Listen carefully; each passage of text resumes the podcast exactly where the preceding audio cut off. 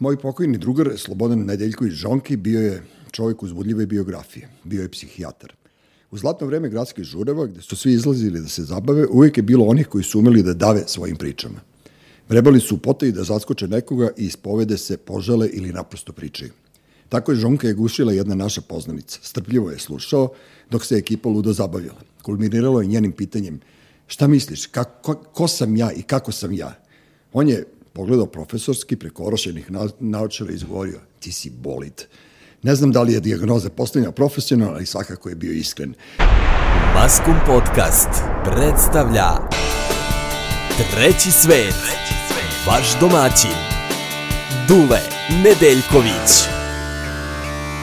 Gost današnje emisije podcasta dr. Mihajlo Ilić sa Instituta za mentalno zdravlje, ako nisam pogodio, međutim tu je i, i naša draga Olja Vuković. E, došla si čisto da daš podršku i sebi i nama, međutim e, ja sam hteo, u stvari ti si mene, kako ti kažem, preskočila si me. Ja sam hteo da zovem Mihajla da bi vam dao podršku kao podcastu, mladom podcastu koji ste krenuli dva i po psihijatra, međutim ti si e, došla ovde da kažeš svoje viđenje, pa pošto si ti ono, brate, ono, da mi ne bi potraživalo pre, previše po mozgu, ja ću da te pitam zašto ste vi doktorka došli? Jeste vi primetili nešto u mom da. ponašanju? da, prošli put, da li sam primetila, mislim, da, da, kad sam da, gostovala kod kad tebe. Kad si gostovao, da li si Super primetila? si bio i upravo je, da kažem, to što sam se ja nametnula, da budem ovde sa tobom i sa Mihajlom, u stvari je jedan vrlo prost razlog. Kada sam radila podcast sa tobom, koliko je prošlo vremena? To je bilo Možda nešto malo više od godinu dana. od godinu dana. Znam da je Možda bilo neko nije. lepo vreme. Ne, ja sam još uvek pokušavao da radim audio, da se izborim da ostanem u audio formatu, međutim morao sam da pokleknem, tako da ne mogu da se setim, znaš, mnogo je toga prošlo Jeste. i ovaj, ne sećam se čak ni vreme kako je bilo. E, Sećam se da je bio lep dan mm Mhm, -hmm. i sećam se da si me nekako vratio u neke moje, da kažem, srednjoškolske dane kad sam radila na radiju. Dobro. I znaš, nekako ta, taj čar studija, razumeš me, naravno podcast je malo drugačija forma mm -hmm. Mhm. nego što je to bio nekada radio. Sećam se makedonski PGP-a i tamo sam u studiju radila kao klinka neku emisiju. Ali zapravo ovaj, otvorio sam jednu ideju, a to je da mi pokrenemo nešto slično. Da kažem, moram priznati da ste mi ti i Uroš Bogdanović sa kojim sad radimo, dva i po psihijatra, u stvari bili inspiracije da krenemo. A čekaj, u stvari ovu priču. Moram da te pitam, ko je te IPO? Je to E, IPO Uroš je, ili... ili... IPO je, da, da, ko je IPO? Pa znaš kako, nekako ide, e, e, krenuli smo sa pričom da Mhm. radimo podcast, jedan moj kolega, Milutin Kostić se zove i ja. E sad, nas dvoje smo u nas, ja sam profesor, on je docent i mislili smo onako malo da prosto pričamo o psihijatriji na jedan popularni način i da približimo ljudima da mi nismo ni opasni, ni strašni, da ne treba ljudi da nas se plaše i da kad imaju problem treba da dođu. Međutim, Milutin je onda u stvari dao ideju da u celu tu, da kažemo tu, tu, taj podcast u stvari uključi mlade kolege koji su na specijalizaciji. Pa to je, to je savršena ideja, pohvaljujem. Tako da, evo ovo što kaže Mihajlo, oni su na pola puta u stvari da postanu psihijatri. Od Aha. pola. Znači, da. vi ste i po psihijatri, da, da, da. Tako Dobro, je. ali morate da imate iskustvo i skupljate iskustvo na sve strane, tako da ovaj, ovaj način, podcast, taj govor, što, oni, što će oni imati prilike, evo sad smo pričali malo pre e, neko moje viđenje, to je potpuno nebitno, pošto ćete vi vremenom ukapirati da je ova forma u kome treba da relaksirate jezik i da pobegnete od tog te formalnosti doktorske, ljudi poput mene se toga plaše. Znaš, ja, kad me, ja sad ćemo da čujemo Mihajla, ali ti kad pričaš, meni je nešto ozbiljno, znaš, moram, moram da, da budem onako, kako ti kažem, oprezan.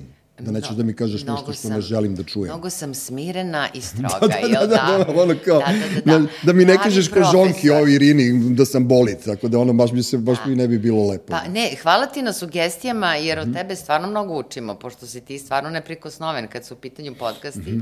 Tako da hvala ti na sugestiji. Da. I pokušat ću u stvari da nekako malo promenim taj svoj ne, narativ. nije da. to, nego ti ja ne, kažem, okej, cool. kako bi ih ja volao da bude, to znači da ljudi, pre, pre svega, malo pre si isto rekla, treba da prestanu da se plaše. Tako je. Da ne idu kod vračara i kod, ne znam, ono, žike ciganina na džeran pijacu po trave neke ili nemam pojma šta im uvaljuje, razumeš, da ne leče živce uz pivce ili iz dve rakije ili, ne znam, tučeva, nego da dođu lepo, da dođu kao pristojni ljudi, daju knjižicu i vi ih lečite. A ima još jedna stvar.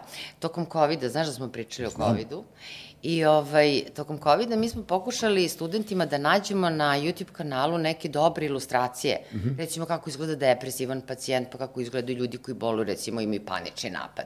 I u stvari ništa nismo na srpskom mogli da nađemo. Dobro. A jedino što smo pronašli to su zapravo, da kažemo, onako neki snimci klinaca koji se ne bave psihijatrijom. I onda smo hteli da krenemo, ajde mi malo ljudima da približimo to, da im nekako bude bliski. Ljudi sa diplomama, mislim, ja, ja sam to Da, rekao, ja, da. prošli put, da je, kad smo pričali, sad se vazi, pazi, ladno, ja sećam, mada je prošlo toliko vremena, ja sam rekao da vi morate da se pojavite da bi ljudi prestali da se leče na Google. Da. Znaš, Da, jel danas, ja, je. ja sam prvi, taj ludak koji kad sam imao neki zdravstveni problem, meni je doktor prvi moj rekao, nemoj da gulaš. Onda sam ja naravno odmah otišao na Google i vidio sam da ja imam, e, imao sam, ne znam, e, porculansku žučnu, kesu i trebao sam da operišem, pazi, drame, ono, dve, one olovke mi uvukli, Zlaja Bokun me operisao i ja sam napravio dramu oko toga i ja prvo što sam ukucao piše rak e, žučne kese i onda je meni bio kraj. Znači, ne treba da googlam, nego treba da ono, se vratimo razgovoru, treba da se vratimo pričama, treba da budemo smireni i da vam iskreno, i da vam verujemo. Doktore Mihajlo, e, profesorka i ja smo malo to uozbiljili na početku, mada ono, nemoj da se plašiš uopšte. E, ti kao, kao mlad, mlad čovek koji živi u neko jako čudno vreme, sad je 23. godina 21. veka, Mislim da nikad više ludaka na svetu nije bilo, ovaj, globalno misleći, ne mislim samo na Srbiju. Prošli smo jednu ono stravičnu zdravstvenu krizu, e, pandemiju covid koja je bila uz medije napumpana do tačke pucanja. Identično je bilo kad je bila SIDA, ti, se, ti si mlad, ne sećaš se, Olja se seća, e, da je bilo medija u vreme AIDS-a, mi bi svi bili mrtvi danas. Tako da ono, kako se ti boriš sa, sa time i kako ti ovaj, e, uopšte vidiš imali nade za čovečanstvo? Pa dobro, mnogo je bilo da kažemo da nema nade sad odmah. Ne znam, E, sad, si, sad si mi ubio svaku nadu. Da, pa ne, ali za, za moju generaciju su ovo normalni uslovi, pretpostavljam da mi nismo ni navikli na kako je šta pre. Mm -hmm. Jeste ta pandemija bila malo, malo drugačije nešto. Mislim da ćemo tek da vidimo kako će to da se odrazi na sve nas dugoročno. Sad smo kao izašli, ali eto, sad se ništa ne dešava, kao vratilo se sve u normalu.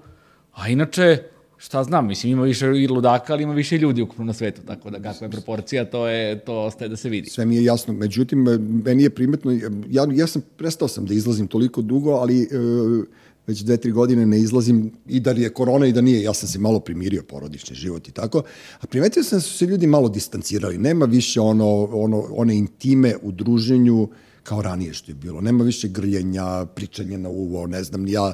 Znaš, nekako su ljudi sve nekako oprezni, distancirani. Je li to sad novi model ponašanja ili je...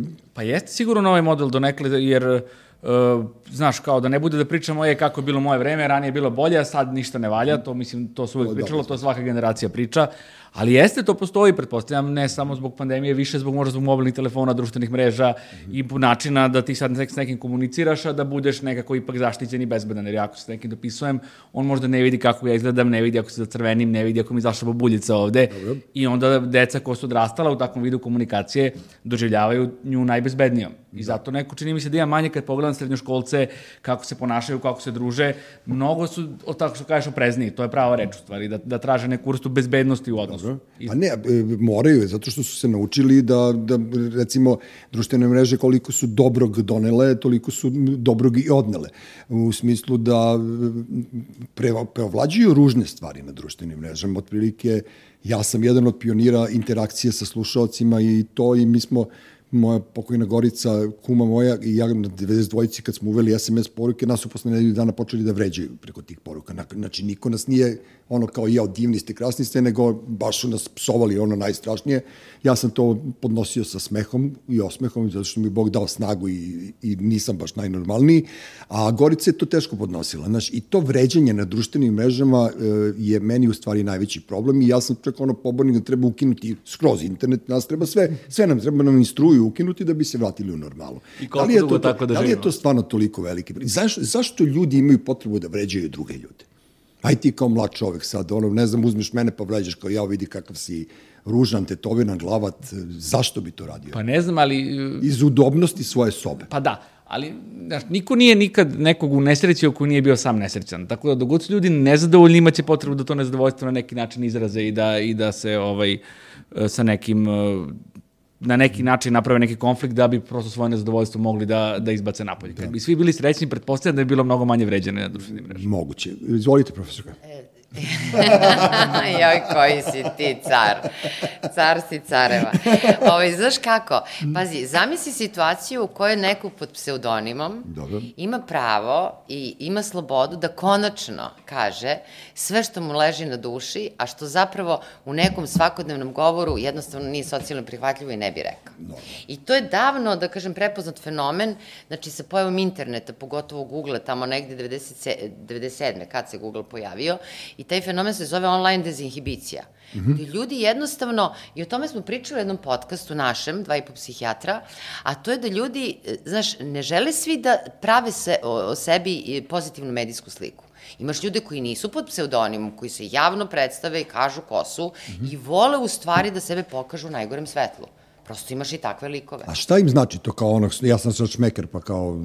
Pa kako da ti kažem, ta distanca, evo ovo što si ti sad Mihajlo rekao, je li tako? Mm -hmm. Jeste, Jeste. daje neku bezbednost, i daje neku pažnju. Mislim, Distancu. svaka pažnja je dobra pažnja, je li tako? Kao ono što, mm -hmm. kao svaki publicitet je dobar publicitet, mm -hmm. samo na nivou interneta i, i društvenih mreža. Jeste, upravo si, ali kažem ti da je to nek, neki ventil, nešto da, kao sad... Da, apsolutno. Baš da. online dezinhibicija, baš ventil. Da, da, da. Online ventil. Pa ne moraju baš na mene, evo, ajde, pre, pa, znaš šta, malo ti, nekog drugog. Ti si, mislim, da. ipak ona generacija kla, klasika, jel? Da. Gde ste vi izašli na ulicu, pa kad ste imali frku jednim sa drugima, šta ste radili? Ništa pričali. Kulturno, je li tako? Sve na vi. Lepo i normalno smo. Da. Pa da. nekad i jesmo. Pa ne, nekad vi, a nekad ste umeli da. da se malo i potučete. Pa dobro, naš... A to je naš... nekako toliko zdravo. Pa Meni je to je... mnogo zdravije od online dezinhibicije. Jeste, moj kolega Ivan Tokin je rekao da njemu najviše nedostaje da se potuče s nekim na ulici, pa, tako da ono otprilike, ali nekoga je sad tu naravno popljuvo, da je on e, agresija nije, ne, nego ti treba kao malo, da. znaš, kao malo to, kao kad možeš da razgovaraš s nekim trash talk, a onda ti tako i treba i ove fore. U Srbiji je prošle godine popijeno 7,34 miliona pakovanja lekova za smirenje i antidepresiva. Jesmo stvarno bre toliko bolesni.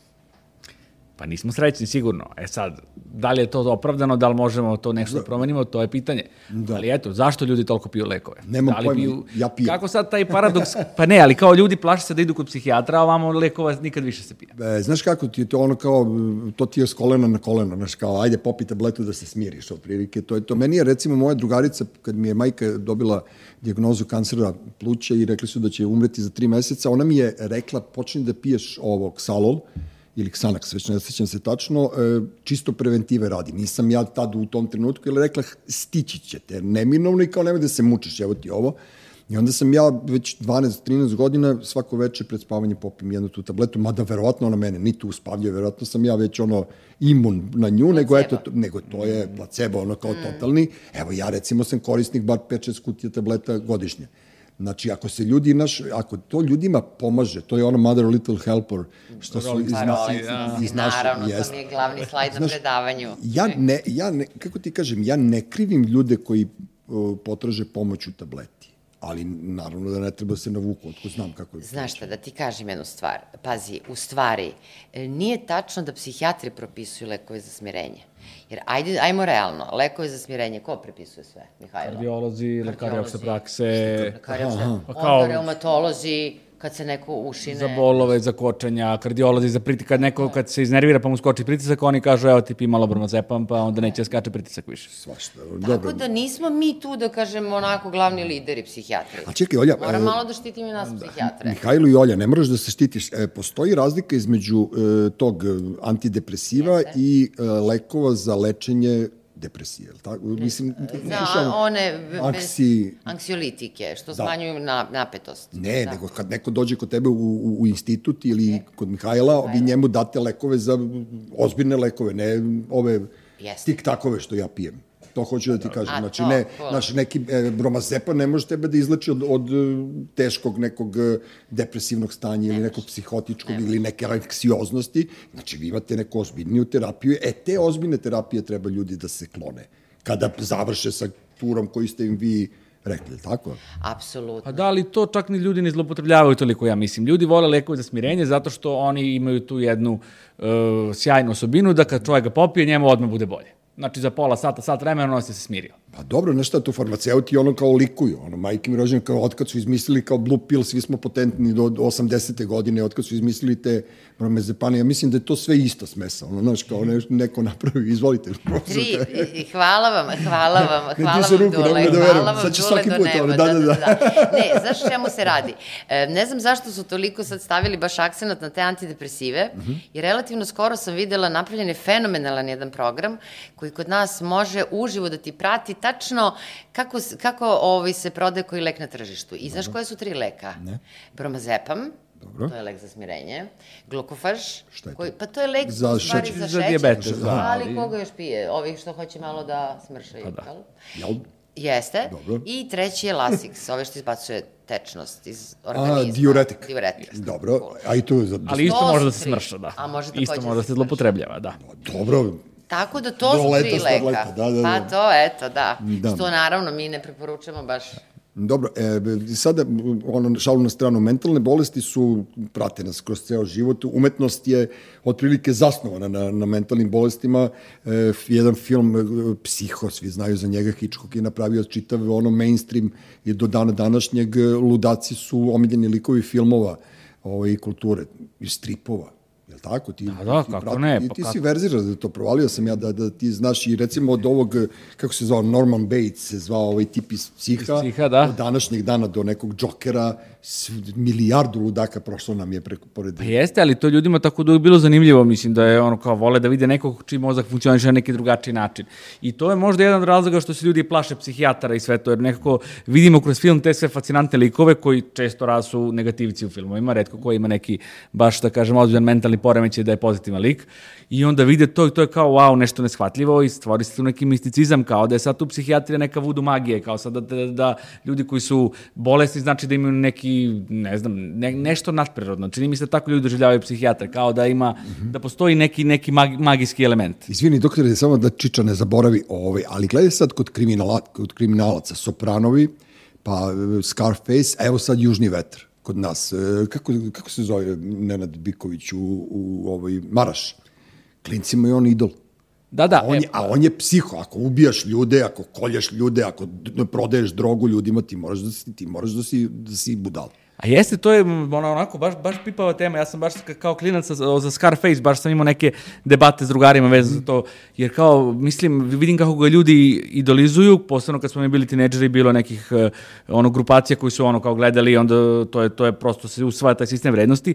Tek kad sam ja došao u neke starije godine, malo sam shvatio da on lik nije pravljen da bi ga ti, idoli, da bi ga ti idealizovao. Nije pravljen da bi ti bio uzor, nego je pravljen kao neka vrsta analize. A kao kritika društva, Kao da. kritika, ali opet to je sad, šta će ljudi da vide i da li će u stvari e, tineđeri koji gledaju to od 17-18 godina, oni su vrlo lako se impresioniraju. Gde je tu sad nekako rizik? Šta, šta da se radi s tim? A evo ti Bora Grbović je dao sebi ime Toni Montano i napravio je bend od toga. Znači ono kao, ne, ne znam, nekako se uvek ono, nikad ti nije neko pametan, lep, fin, čist, eh, obrazovan uzor, uvek ti je neki ono kao, ne znam, to Black Stena u, fri, u stripovima, Zagor, eh, komandant Mark, svi su oni ubijali ljude, a meni su to naš... Heroji.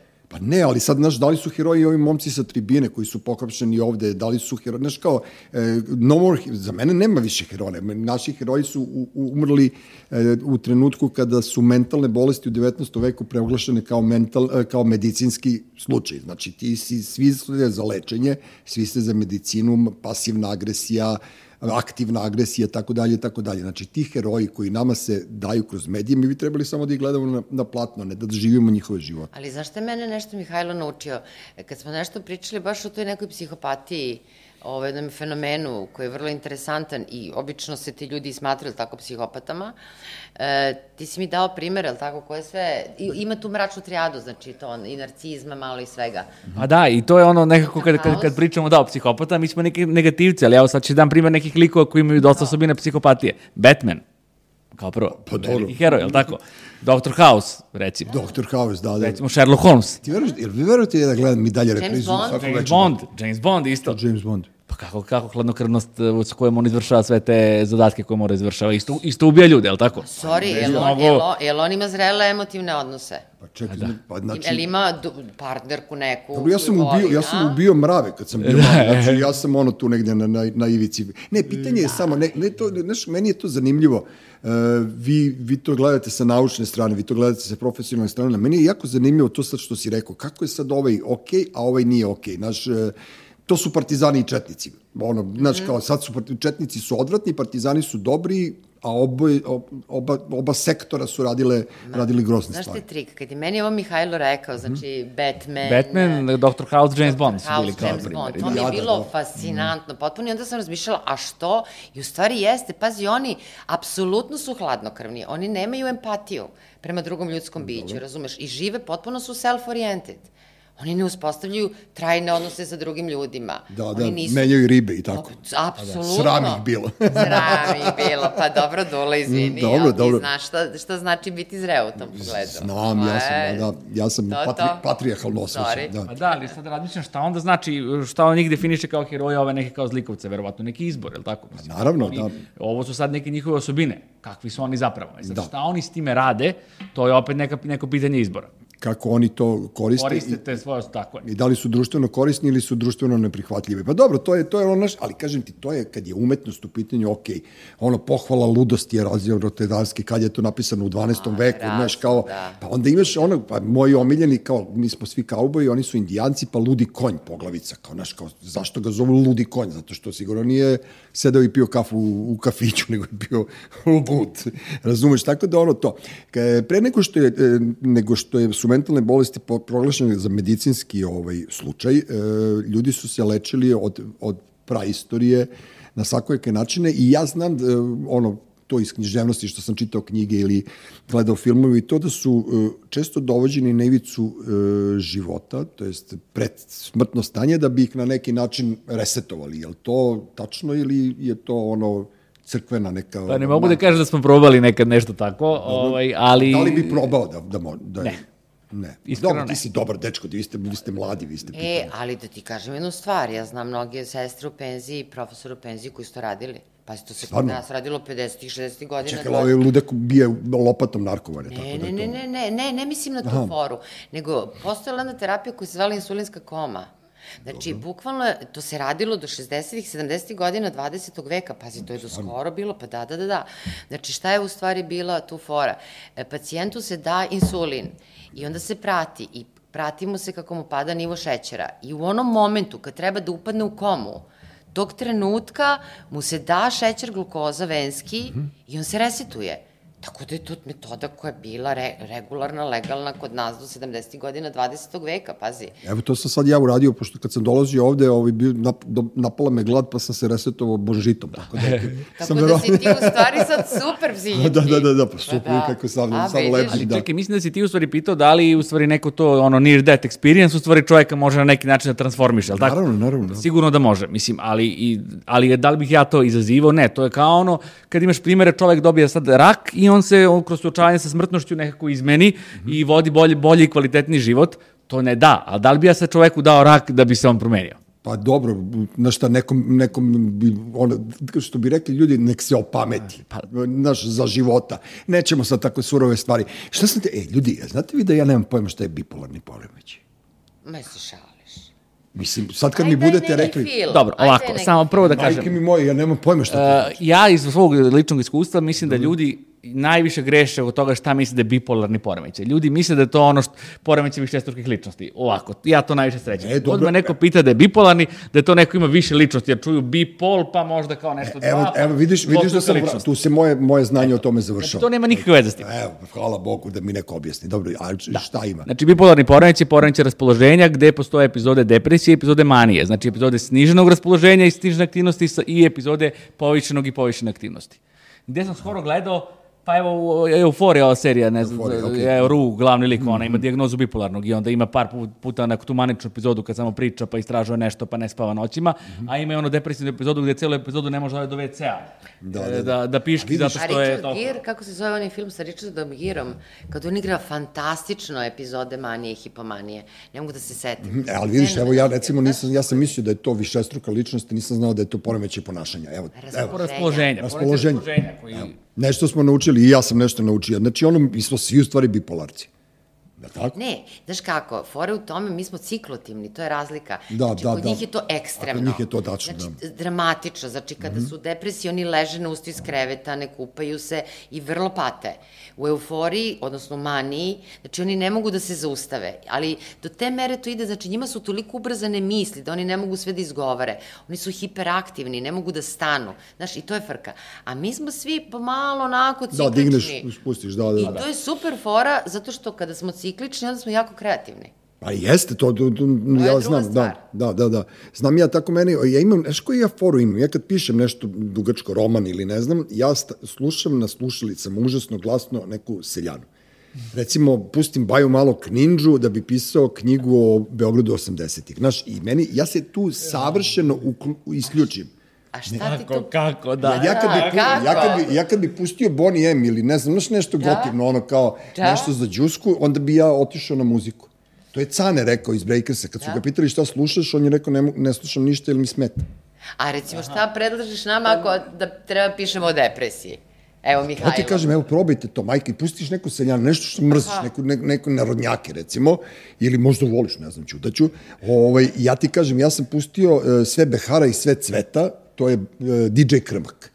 Majke, ja sam ceo glavonju, ceo roman napisao na repeat, to, e, sve Behara i sve Cveta, i ja njega izbacim napolje, da bi ja ušao u tunel mog teksta. Pa dobro, to je interesantno. Ja isto učim, učim ozbiljno. uz muziku ceo život i onda sve, sve sam završio Da, ali ti- fakultet, ali, i onda, ali imam jedno, mislim, nije do vrste muzike, nego toga koliko poznajem. I znam da mi uvek mi je najbolje kad je to nešto što površno znam. Mhm. E, pa to- Jer ako ne znam ništa, onda će mi bude dosadno i onda će mi bude dosadno i što učim. A ako znam previše dobro, onda ću da razmišljam Mhm. Onda o ćeš muzici. da počneš i da pevaš, jeste. to ti je to, I onda da. nešto što umereno, onako pomalo znam po neki refren, po nešto i onda to me, tako to me najbolje bude. Pa dobro, to vidiš, ono, dajemo jedni drugima savete. Ne ozbiljno, sad vi kad budete pisali to, derite se ljudi, svađajte se, znaš, jer to, to je, nekad je, nekad, znaš, nekad je taj uh, povišeni ton, ja volim povišeni ton među kreativnim ljudima, jer tu uvek nešto izvučeš. Jeste. Znaš, zašto se svađaju bendovi? Ja sam gledao Jeste. posle koncerta E Katarine Velike, 80, 90 i neke godine, 80 i neke godine u Pioniru,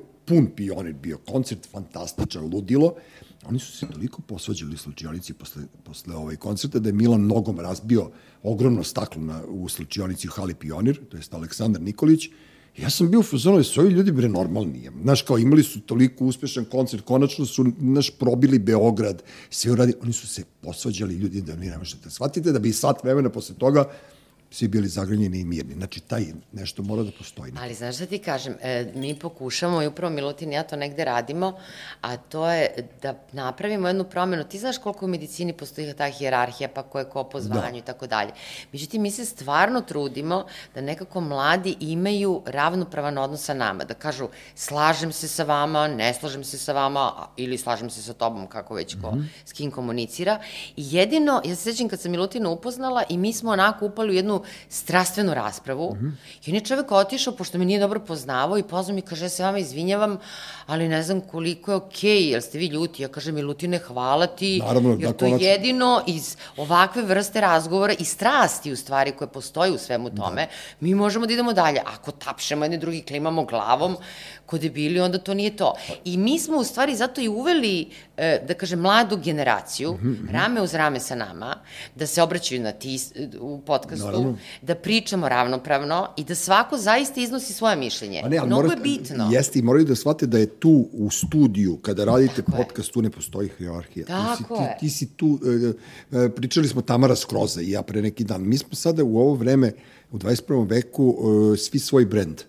Imenom i prezimenom. Razumeš? I ti nema, nema, tu, nema tu poštovanja i nema tu ono, onog narativa narcis i kao ja užasno ste, mi je drago što ste baš to rekli, gospođo Olivera, i ti meni kažeš, ja, divni ste, krasni ste u toj šarenoj idiotskoj majici. Znači, to ne postoji. Sad pričaš ono što, da. ono, pričaš šta razmišljaš, pričaš svoje razmišljenja i u tome se koriguješ. Ako tebi nešto prije što Olja kaže ili meni prije što ti, evo, on je meni već, ja već sad došao kod njega na, na lečenje. Na lečenje. Ne, Ali znaš šta, mi to pokušamo i na poslu. A bilo bi fora kad je ušao ovdje, ja vidiš što je sladak dečko. Da. Mislim, znaš, kao, to, to ti je ta priča i sad će on, takav kakav je da uzme moj mozak u razmišljanju, bilo bi ti do ja. Ja sam ono, sine. Ali evo, el, trudimo to i na poslu da radimo. Da. Trudimo se, naravno. Stvarno se trudimo. Stvarno se Obrnovite mi meni da se pravdate, bože, ne, ne, ne, ne, ne, nego nam je važno da to poručimo. Neću ja kod vas skoro. Mada je meni moja vračara rekla da ću ja da umrem e, ono, u dubokoj starosti i lud. Bio si kod vračara. Pa da, morao sam ponekad i ja malo. I bio sam, bio... koliko si uslova ispunio? Jesi u dubokoj starosti, jesi li lud? Pa, po nekim rečima jesam u dubokoj starosti, a ne znam, pravo ti kažem, a dobro, to je meni sve. Ja sam radoznao čovjek, sad ne bih ja da, da idem ovaj, ali e, vrač, o Vračari je napisana pesma Ti si sam moj bol, tako da nije neka baš ono, ima tu neka fora, brate, Olja, ne moraš sad baš toliko, ne, nemoj da sećaš simpatično mi ovo, ali ne, ali ne moraju ljudi sve da znaju. Šta sam te da ti kažem, e, još jedna stvar koju, koju mi je rekla drugarica, a ja nisam bio, ja sam došao, e, ne sećam se tačno kojim povodom sam došao u Zvezdaru da nešto odnesem kliniku i ona mene odmah gurnula na infuziju, pošto mi je izmerila pritisak ili ne znam šta je već bilo i ona je rekla ti si burnout. Ja kažem, što sam ja Nikice burnout, brate, šta mi fali? Ajde, ajde, kao malo da ti ja dam da, da te popravim i ja tu neka žena u saobraćajki, neki tip koji je iseko ruku sabljam nekom ovim kosom i kao ja ležim na infuziji i ja sam tad čuo za to burnout, ali nisam googlao. Jer ja znam da je to ono kad kad pregoriš, ali ja stvarno nisam se osjećao da sam pregorio, ili ja lažem sebe, pa sam uspeo sebe da ubedim. Šta je burnout? Prvo, kako si se suzdržao da ne googlaš, to je, to je isto zanimljivo. Što mi je bilo dosta. Iskreno, ja, ja googlam isto, znaš. No, verujem. To, niko nije od nas potpuno ovaj, od toga imao. Ne, znao sam da je nešto ono, kako ti kažem, znao sam, e, čim sam znao da ću da izađem, posle pola sata bolelo me uvo, nisam googlao, znači nije Nećeš bilo teško. Nećeš umrti od toga, znači nije važno. Samo gas, ono, da, da, da, koji se da, umiro od ovoga, ne, paljba. Pa ne umire se, ali se pati, mislim, zato, da. je, zato je problem. To je, ovaj, sad, sindrom izgaranja zovemo kod nas taj burnout, po, po, popularan poslednjih par decenija, posebno od, ovaj, u Americi, gde se dosta kao radi i insistira na toj produktivnosti. Pa ništa, mislim da smo svi to osetili ponekad, sad ko je ispunio kriterijume zvaniče za poremeće, neko jeste, neko nije, ali svi smo osetili taj uh, jedan hroničan zamor koji je praćen jednom neispunjenošću, jednim osjećajem da ne postižeš dovoljno, a da radiš mnogo, da ti više ništa ne pričinja zadovoljstvo, prosto jedno preopterećenje celog organizma. Ja sam jedini taj burnout, ili već kako se to zove, ja sam imao velike probleme sa spavanjem u životu, zato što sam ja leteo u jatu 25 godina i mi smo ono interkontinentalni, ja sam imao te ono, kako se zove, jet lagove, strašne, ono, to je bilo i ja nisam mogao da spavam dugo i onda sam morao da posezam za tabletama za spavanje, ali ne, nisam se navukao, ne, sad ih ne koristim već duže vreme. Ali recimo, e, naš, da li vi, vi savjetili, da li to mirne duše savjetujete te tablete za spavanje nekim ljudima koji ne mogu da kuntaju? Jer ja mislim da je taj poremećaj sna najstrašnije nešto. Što, A, nema mentalnog zdravlja bez dobrog sna, apsolutno. Dobro, i znači, znači on, Ne, ali meni, znaš ne, meni, meni bitno? Meni je bitno da ljudi shvate da, nije, da niste ni vi opasni, a da ni jedna tableta, moja žena da proguta tabletu za spavanje, to nema šanse pazi, obrazovana, moderna, kulturna, dvoje dece, e, uspešna poslovna žena, nema šanse da ona popije onaj belbijan, ono naš što uspavljaju mačke. Ne, ja to dajem kučetu kad treba da leti ili ne. Pa, pa da, ne, ali ona to nema, znaš, prosto kao tableta za spavanje, kao to je naš, sad ću se otrujem. Jeste, sad ću to je, zvuči strašno, mislim mm da postoje neko dve populacije ljudi koji idu potpuno dva ekstrema, bar ja to vidim. Ima oni koji shvataju lekovi ipak malo i potpuno onako casuali i kao, ma šta je to, pijem, radim da. šta hoću, kao hoću. I ima ovo drugo koje misli, ja, ne, lek za smirenje kao ne, kao to je kao droga bukvalno i onda poistovećivanje sa... Nije droga. Na, zato... Ne, ali mislim, ta, ta, mislim da ima mnogo ljudi koji tako misle i koji ima neka vrsta kao sramote oko toga kao šta sad ja ako popim lek za smirenje, ja sam onda slab kao, znaš, ne mogu da, da se smirim sam. Znaš šta, ali ja moram nešto da kažem što baš nećem da se svidi mnogima, a to je da ja ne verujem u sindrom izgaranja kao diagnozu. Dobro. Ozbiljno ti kažem. Zato što, ovaj, pazi, šta sad znači, neko se na poslu preforsira i sad on ima diagnozu i sad on treba da ide kod lekara da se leče. Izvini, to se u 19. veku drugačije razrešavalo kroz sindikate. To je Jeste. socijalno pitanje, to uopšte nije pitanje, razumeš me, bolesti i zdravlja, to nije medicinsko pitanje. I mi saista imamo problem da u stvari nekako te naše knjige sa dijagnozama, Mhm, evo ti reci sam, ovaj, se iz godine u godinu, odnosno iz revizije u reviziju sve vić, više povećavaju i mi imamo u stvari sve više veći broj dijagnoza, je li tako? Pa jeste, a mislim da je ovo, ovo je sjajno sad što, što smo spomenuli, zato što ja verujem da to socijalno pitanje pre svega i sad eto, kao, ok je to da sad nekom, ako nekom pruži neki benefit, ako tu dijagnozu dobije neku vrstu, eto, dobije bolovanje ili tako nešto, to Da. suštinski nije problem u čoveku, nego to je problem društva u kom živi, To je- koji je, to je- stavlja to prevelike e, zahteve. e, Ja sam, ja, ja sam kao lajk, e, ne mogu da kažem da sam shvatio, ali, ali sam kapirao da je to u stvari problem okruženja radnog. Ja mislim da je, ceo, da, da, da je ceo RTS sad u tom burnoutu, jer oni su već mesec dana pod pritiskom jezivim, a pritom najstrašnije se ponižavaju ljudi iz sistema. Znači, ne ovih petrolopova što su pokrali sve živo i što su pravili kombinacije, nego ljudi koji tamo rade ceo život za platu, koji su kulturni, obrazovani, e, ne znam, imaju veliki staž za sebe, svi bi mogli oni da rade neke normalne i, i dobre i smislene stvari. Oni su bukvalno poniženi ovde, a oni ćute. E, zašto vi ljudi ćutite to što ti kažeš, Olja, sindikati su rešavali ulice, rešavalo zapali što na kraju krajeva govno i ajde, napravit ćemo novo. Zašto ljudi ćute? Šta im je? Znaš, Ne znam, mislim da je i širi čak problem od toga. Ok, to je jedan, jedan primer Da- da konkretan, grešimo, ali da mislim im da, pomognemo, je. ceo naš, eh, kada ga nazovem zapadni svet, jer smo mi kao je deo tog nekog zapadnog sveta, Dobro. eh, postoji taj jedan imperativ sada da moraš da budeš mnogo produktivan, da moraš mnogo da radiš, da se to stalno, kad slušaš one moticane govornike, da ono da, da, da ležeš u krevetu tri, u, u tri ujutro, da se provodiš u četiri ujutro, da imaš eh, sedam nekih rutina, da mnogo radiš, sedam dana nedeljno, da to stalno, da ima da zarađuješ određenu količinu novca, da si mnogo uspešan, mnogo bogat, mnogo lep, neko su standardi toliko veliki da to ne, to je nemoguće ispuniti. Da, i onda, tu- onda što bi rekao, onda kao, my dealer like it this, da. ja bih znaš, kao kokain raste, prodaje da. koke i, i tih ono sredstava da. za ostavljanje ljudi budnih, znaš, kao sve to neko, ajde, nazovimo ga vrzino kola. Šta sam te da ti pitam, e, je, je, znate vi, e, doktori, da je aviokompanija JAT svojevremeno imala e, medicinski centar, zvao se Sreta Kušić, je bio direktor medicinskog centra, centra za vazduhoplovnu medicinu, on je Ćaletov kum, on je imao svoj bilten, kao što vi sad radite te knjige, gde je e, pisao o ulozi muškarca u cabin, u cabin crew, u, u, u posadi, znači stjuarta e, u istočnoevropskim zemljama zašto ljudi ovde na ist, u istočnoj Evropi e, drugačije doživljavaju muškarce, a drugačije žene. Jer ja kad nekom kažem sedi, i kad mu Olja kaže sedi, on će sesti pre meni nego. I onda je to čitava studija napravljena, jer mi smo vozili takvu populaciju, mi smo vozili seljake, gastarbajtere do Amerike, ili ne znam što se napiju pa se potuku u avionu, vozili smo navijače, vozili smo deportirce, vozili smo plaćenike po Africi, i onda je moralo da bude muškarca. Znaš, jeste razmišljali nekad o tome? Da Jesmo, ali mislim, to je... Ne, sad u ovom trenutku kada dolazi do tog, znaš, tih džendera, ono 16 Jeste. polova Ali- koje su smislili, mislim, verovatno znate, znaš, kao, verovatno znaš svih 16, ja, ja znam za dva, mi, vi i oni, nemam pojma više ko je šta, razumeš, e sad kad ti kažeš ono da, da postoji još uvijek ta neka, otko znam, vizuelna dominacija, a skandinavci recimo ženama više veruju, po tom istraživanju. Da, neka Helga dođe, ona, znaš, ono, kikice sa strani koji sedi dole, oj, kao šta ću, sedne i ćuti. Pa da, ali mislim, sad je mnogo osjetljivo da se priča o polovima generalno, jer eto, prosto postoji to jedno e, isto vrlo jasan zahtev da se sve mora da bude jednako.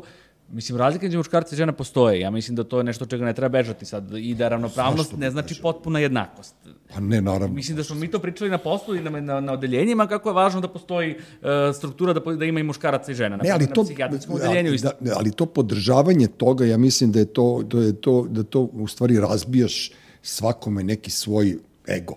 Znaš, kao sad ti meni, kad još plus na svom moju muku, kad mi staviš pod znak pitanja šta sam, da li sam žensko, muško, srednje, da li sam hetero, da li nisam hetero, da li sam e, mator, da li sam ovo, da li sam, znaš, postoji to, to neko razlačenje, to je neko, ono, znaš, izbora. polivanje Više ludila. izbora. Da, a zašto to radi? E, znaš šta, sad si me asocirao na nešto s čim sam se suočila, u stvari u poslednje vreme, pogotovo od kada radim ovaj podcast, a to su u stvari dva problema, seksizam i ageizam. Jezivo. Jeste. Da. Ozbiljno ti kažem. Da. Znači, mlada žena, e, onda će da krenu, razumeš me, komentari onako vrlo neprijatni. Znaš, starija žena, pa čekaj, šta će ona sada tu, razumeš? Da, to- Nema ali mene para. to strašno nervira. To je užas. mene to I užasno To niko nervira, da. uopšte, znaš, o tome ne priča. Pričamo o pravima ovog, onoga, Mhm. niko ne priča o tim temama. I čak smo mislili da u jednom podcastu stvarno se dotaknemo i toga. Pa ne, treba da se razgovara o tome. Znaš kako to, ono, gledajte, gledajte, gledajte, doktori, gledajte šta radi Netflix. Oni su, vam, on, oni bustuju tu nenormalnost kroz svet. Kod njih mora da postoji u bilo kojoj seriji LGBT veza, mora da postoji crnac i mora da postoji neko ko je 67 plus. Znači, ne 64 ili 65, nego 67 plus. I ti E, to, to znaš nisam kao- znao, ne, znao sam za ova dva, nisam znao za, sta, za, za, za stare. da Za stare 67 plus mora da postoji negde i taj je seksualno aktivan. Znači, taj kreše još uvek kao najnormalnije sve. Ne, ozbiljno, evo sad sam gledao, ne znam, uspeti u Americi i pogledamo na Google čovek koliko ima godina, on ima 68 godina glumac, a on treba da dobije dete sa nekom ribom koja ima 30 godina. Znači, oni sve, oni, brate, totalno ludilo prave. Relativi, relativizacija. Znaš, kao, svega. re- bukvalno to. I sad kao... Svega, ali znaš, to je kao ta woke kultura, je to kao naš Da, politička to- korektnost, ali to je bukvalno, meni to bukvalno fašizam. To je bukvalno fašizam, samo drugu, druga strana medalje. Znaš, kad gledaš profil ljudi, koji je tu i profil ljudi koji neke ultradesničarske opcije, meni to deluje kao da su prilično slični ljudi. Misliš ekstremno? Potpuno da, reći ekstremno, znači, ekstremno, ekstremna, da, ekstremna ne politička korektnost je zapravo zabrana slobode mišljenja, jer ti ako kažeš neko mišljenje koje nije u skladu sa tim narativom, ti si odmah zatucani, konzervativni... I nije, ali oni se svi kriju iza kao da oni su levičari, znaš, oni su da. socijalna pravda, međutim levica ne postoji otkad su ostvarena ljudska prava, otkad su se izborili za ljudska prava, levica ne postoji i na taj veliki teren gde je levica su leteli i geji, i zeleni, i žuti, i šareni, i crnci, i belci i sada trenutno u Americi je najugroženija white male populacija srednjeg je godina. najprivilegovanija. Ako, ako Koja je bila kažeš nekada. Da si ti ne, ako ti nešto požališ, ti ćeš odmah da dobiješ napade kako si ti mogu da se požališ Da. kad si ti muškarac belac. Pa to ti je to. Tebi je bilo lakše u svemu od svakog drugog. Zato ja volim u Srbiji, ja kukam ovde po cijel dan, joj, boli me ovde, boli me ovde, tako da... je dobro o tome Nick Cave, na svom snima onaj sajt gde on kao odgovara na pisma fanova, pa ga baš neko pitao šta misli o woke kulturi i napisao je, mislim, lepše nego što bi ja to da kažem, ali nešto, nešto u tom ovaj, stilu da su i ti i fašisti i antifa su njemu potpuno ist, ista grupacija ljudi, samo što Sve je... to, sve to na ivici agre, agresije i etiketiranja. Svi smo mi kad kažemo nešto protiv fašisti istog trenutka i onda ja razmišljam da li ti ljudi znaju uopšte šta je fašizam, jebote, da li, je, da li oni znaju ko je neki Mussolini i, i kakva je u stvari gen, ono, genetika tog Mussolinija koji je postao prvi fašista na svetu. Hitler nije bio prvi fašista, Mussolini je bio. I da li znaju da su italijani takvi zato što su ovakvi, zašto je mafija baš sa Sicilije, a nije neki drugi. Ja sam istraživao to. Mogu da vam kažem te odgovor. pitam, pošto sam ja naravno dovoljno matora da se sećam psihijatara koji su radili u Jatu. Dobro. Zašto e, kada recimo... Zašto je tebi Smilja pustila da ne, letiš? ali ne, ozbiljno. Zašto kada recimo dođemo ono tranzit i sad putamo za Srbiju i uđemo u avion, zašto naši ljudi aplaudiraju kad sletimo? A, ne samo naši, pa zato što... Ali to je kod naših A, redovno. Znaš šta, mi, e, da ti kažem onako iskreno, postoje, moj pokojni drugar Miša Pješčić je to radio na kvarnu. On je ovaj, sedeo pozadi u repu Dobro. i kako avion sleti, on počne da tapše i onda I ovdje oni da si vidio da treba. Ali onda, to mi je mi smo im davali, to se zvalo davanje mace, ali to se dešavalo... to Davanje se de- mace. Da, kao damo im macu i onda oni aplaudiraju. Zajebavali smo pilote na taj način, kao u, ali si sleteo, brate mi. Onda, prosto od, interne, od internog zezanja je došlo izgleda do ono, pa sad neko ko leti drugi put kaže, druže, mi moramo da tapšemo kad sleti avion. Ja sretno. A, ali pro- mislim da mi volimo da aplaudiramo generalno. Ja imam jedno iskustvo iz, sa studija kad je bila, bili smo na ginekologiji i bio neko neki internat. Znači, budemo u porodilištu 7 dana da ne izađemo iz porodilišta, gledamo po, porođaje. Dobro. I sad ekipa je, pošto su bili muž, muška ekipa, nas 5-6 muškaraca, sad mi gledamo porođaje žene koja se porađa ovo, kao što je ovde, ovo, je- ovo je bela polica, na toj daljini od nas. I ona se muči, muči, stenje i to traje, traje. I na kraju kad se porodila, mi kao ne znamo šta ćemo, gledamo se i samo krećemo da. Ali to je Jadno, da, fenomenalno. da, Mi smo da. i najbolja publika. Kažu da smo genijalna publika na svim Jesmo, da, koncertima. ne, ono Da, naš, da. pa, pa seti se one priče kad je, kad je bila korida ovde na tašu, pa su svi navijali za bika. Kad su se zbunili, kad su se zbunili svi živi, oni ko svi navijaju za Matado i naši za bika, kao na bodiga, kao ovo ono.